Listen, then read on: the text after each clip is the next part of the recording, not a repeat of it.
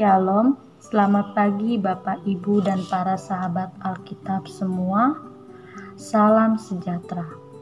Semoga kita selalu dalam lindungan Tuhan. Bacaan kita hari ini terambil dari Mika 3 ayat 9 sampai dengan 12. Baiklah, dengarkan ini hai para kepala kaum Yakub dan para pemimpin kaum Israel Hai kamu yang muak terhadap keadilan dan yang membengkokkan segala yang lurus. Hai kamu yang mendirikan Sion dengan darah dan Yerusalem dengan kelaliman. Para kepalanya memutuskan hukum karena suap dan para imamnya memberi pengajaran karena bayaran. Para nabinya menenung karena uang padahal mereka bersandar kepada Tuhan dengan berkata, "Bukankah Tuhan ada di tengah-tengah kita? Tidak akan datang malapetaka menimpa kita. Sebab itu, oleh karena kamu, maka Sion akan dibajak seperti ladang, dan Yerusalem akan menjadi timbunan puing, dan gunung Bait Suci akan menjadi bukit yang berhutan." Demikianlah firman Tuhan. Tema renungan kita saat ini adalah jangan nyaman dengan ketidakadilan. Para pemimpin politik dan keagamaan di Yehuda yakin sekali bahwa selama ada bait Allah ada di Yerusalem, mereka pasti luput dari ancaman musuh.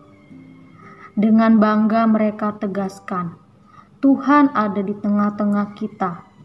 Kita tak akan ditimpa malapetaka.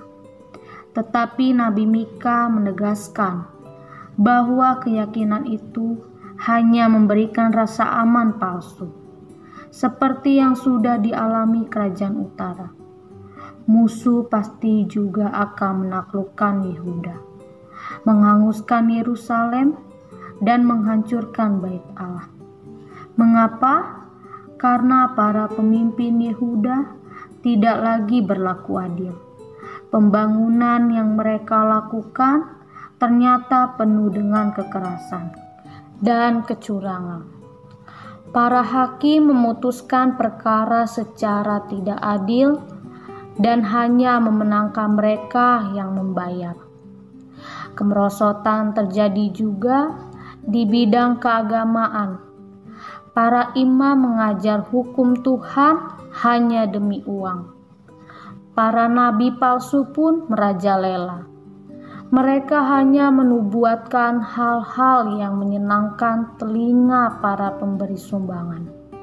Kecaman Nabi Mika sungguh relevan. Bukankah dewasa ini kemerosotan moral seperti zaman Mika pun merajalela?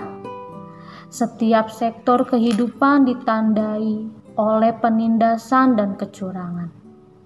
Keadilan diinjak-injak oleh lembaga-lembaga peradilan sendiri. Lembaga-lembaga agama pun sering kali lebih berorientasi bisnis daripada pelayanan. Gereja-gereja kehilangan peran dan pesan protisnya. Tidak lagi mewartakan kebenaran, tetapi memilih bermain aman. Di tengah arus zaman yang berubah, sibuk berkompromi dan bernegosiasi dengan nilai dan politik dunia ini.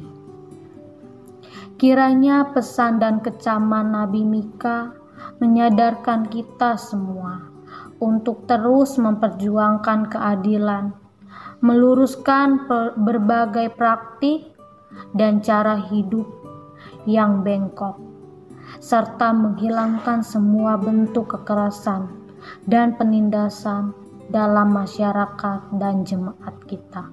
Salam Alkitab untuk semua.